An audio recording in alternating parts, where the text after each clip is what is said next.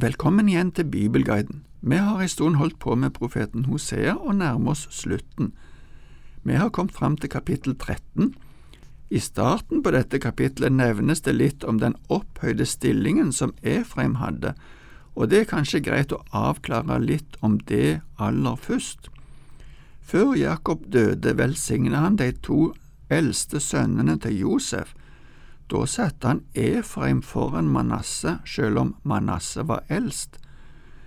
Det betyr at det var Efraim som fikk førstefødselsretten.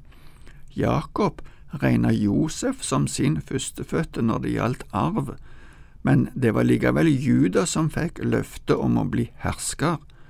Josef var den eldste sønnen av den kona Jakob hadde valgt å gifte seg med, men fordi han ble lurt av Laban, fikk han også Lea, og hun fikk flere sønner før Rakel fikk Josef.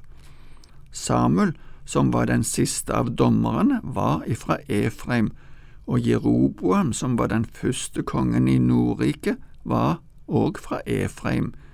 Efraim var den største og viktigste av stammene i Nordriket, og mange steder går navnene Israel og Efraim om hverandre som synonymer men nå skal vi lese de første to versene i kapittel 13. Når Efraim talte, ble det redsel. Han var en fyrste i Israel, men han førte skyld over seg ved Baal og døde. Og nå fortsetter de med å synde. Av sølvet sitt har de støpt seg bilder, gudebilder etter sitt eget hode, alt sammen laget av håndverkere. Folk sier om dem, de som ofrer mennesker, kysser kalver. Selv om Efraim hadde fått makt og privilegier av Gud, som for eksempel ved Jeroboam, som ble utpekt av en profet til å bli konge i nord, så holdt de seg ikke til Gud. I stedet begynte de å tilbe Baal og lage seg kalver. Den siste setningen her er visst vanskelig å oversette, så det er litt forskjellige løsninger i forskjellige bibler. Det var nok òg slik at det foregikk menneskeofringer, men det er ikke sikkert at det er det som menes i dette tilfellet. En annen løsning er at det oversettes slik menneskene som ofrer, kysser kalver. Ordet kysser er her en annen måte til å uttrykke hyllest eller tilbedelse. Etter Norsk Bibels oversettelse står det i Salme 2 en oppfordring om å kysse Sønnen, det kan hende at gullkalvene i Betel og Dan òg blei kyssa bokstavelig, men jeg ser det først og fremst som et uttrykk for en misforstått gudsdyrkelse. Vi leser litt videre ifra vers tre og fire. Derfor skal de bli som morgendisen, lik dugg som tidlig blir borte, lik agner som blåser bort fra treskeplassen, lik røyk fra jorden. Jeg er Herren din Gud, helt fra Egypt. Noen annen Gud enn meg kjenner du ikke, det finnes ingen annen frelser enn jeg. Morgendis, dogg, agner og røyk viser hvor lite hold eller verdi det var i denne formen for gudsdyrkelse. Alt det Efraim hadde funnet på, var ingenting verdt. Det hadde ikke forstått at det var Herren som var den eneste Gud. Han hadde vært der siden de var i Egypt. Ingen annen enn Herren har makt til å frelse, og det de nå tilber som guder, er ikke guder. I de neste to versene minner Gud de om hvordan han hadde tatt seg av de. Vi leser det. Jeg tok meg av deg i ørkenen, i det tørre landet. De beitet og ble mette. Da de var mette, ble de hovmodige, derfor glemte de meg. Før Moses forlot de, talte han til Israel og advarte akkurat mot dette som Hosea her sier at Efraim har gjort. I femte Mosebok kapittel åtte advarte Moses folket og sa ifra vers tolv når du spiser og blir mett, når du bygger fine hus og bosetter deg i dem, når ditt storfe og småfe øker i tall, når du får mengder av gull og sølv og hele din eiendom vokser, Vokt deg da så du ikke blir hovmodig og glemmer Herren din Gud, Han som førte deg ut av Egypt, ut av slavehuset. Han ledet deg gjennom den store, uhyggelige ørkenen. Nå hadde akkurat dette skjedd. Israel, eller Efraim som det står her, hadde blitt hovmodig og tenkte det var de sjøl som hadde ære for at de hadde det så godt. Mon tru om ikke òg vi har lett for å ta ære når det går oss godt, i stedet for å takke og ære Gud for det.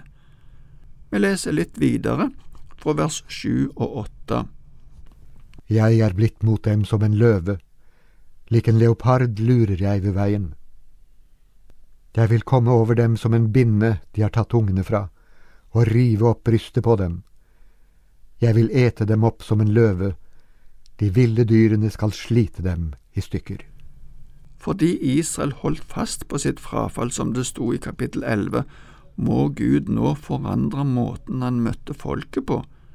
Han skifter fra å være deres velgjører til å bli deres forfølger. Det er òg interessant å se de villdyra som nevnes her, at det er de samme som Daniel karakteriserer som de tre første verdensmaktene som skal forfølge Israel, nemlig løve, leopard og bjørn. Se Daniel 7 hvis du vil lese mer om det. Det er på grunn av all synd i Israel at Gud nå må straffe dem, og hva skal de gjøre når det skjer?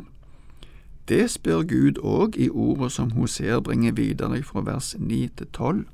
Når ødeleggelsen kommer, Israel, hvem skal hjelpe deg da? Hvor er da kongen din, som kan berge deg i alle byene dine? Og hvor er dommerne dine? Du har jo sagt, Gi meg konge og høvdinger. Jeg gir deg en konge i min vrede, og i min harme tar jeg ham bort. Efraims skyld er samlet opp, synden hans er gjemt. Mens Samuel var dommer i Israel, forlangte folket en konge som kunne styre de. Det står det om i første Samuels bok kapittel åtte. Gud ville være deres konge og leder, men han godtok at de fikk en konge. Men kongedømmet gjorde at folket kom bort ifra Gud. Selv om vi har eksempler både David og andre senere konger som førte folket nærmere Gud men Gud hadde ville at dette folket skulle være annerledes enn de andre, at de skulle følge Gud og Hans ord framfor en konges vilje. Den første kongen i Nordriket, Jeroboam, laga to gullkalver, som har vært inne på. Nå går det bare nedover med folk og land. Så spør Gud hvor den strålende kongen er. Syndene deres er samla sammen, de er gjemt. Vi må legge merke til at det ikke står at de er glemt. Det er slik at synder som ikke er oppgjort, blir tatt fram på dommens dag. Det står det òg om på slutten av Bibelen, at alle ble dømt etter det som de hadde gjort. Men hvis syndene er tilgitt, er de utsletta slik profeten Jesaja sier i kapittel 43 vers 25. Jeg, jeg er den som utsletter dine lovbrudd for min skyld, og dine synder minnes jeg ikke. Nå leser vi videre resten av kapittelet fra vers 13 til 15. Når fødselsriene kommer, er han et barn uten forstand. Når tiden er der, kommer han ikke fram til livmormunnen. Skal jeg fri dem fra dødsrikets makt, løse dem ut fra døden? Død, hvor er din pest? Dødsrike, hvor er din sott? Medlidenhet er skjult for mine øyne. Ja, han skiller brødre fra hverandre. Det kommer en østavind, et Herrens vær som blåser opp fra ørkenen. Da blir brønnen hans tom og kilden tørr. Han plyndrer skattkammeret for alle dyre ting. Vi tar òg med det første verset i kapittel 14.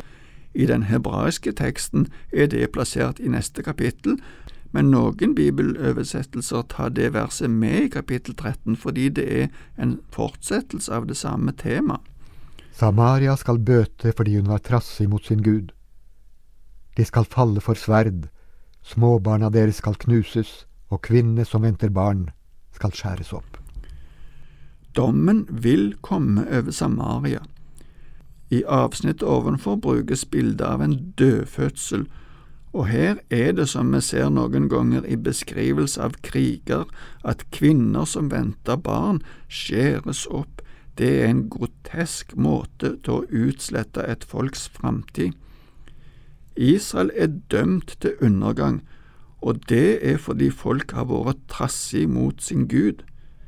Men i kapittel 14, som vi ikke får tid til å se på i dag, ser vi at det profeteres en framtid og i de siste versene her ser vi òg noen uttrykk som du kanskje drar kjensel på ifra Det nye testamentet, men det skal vi òg vente med til neste gang. Selv om Israel og vi fortjener dom og utslettelse, har Gud i sin kjærlighet en plan og et ønske for å frelse dem til slutt. Da må vi slutte her i dag, men jeg håper du blir òg med neste gang, som blir den siste med profeten Hoseas bok. Herren være med deg.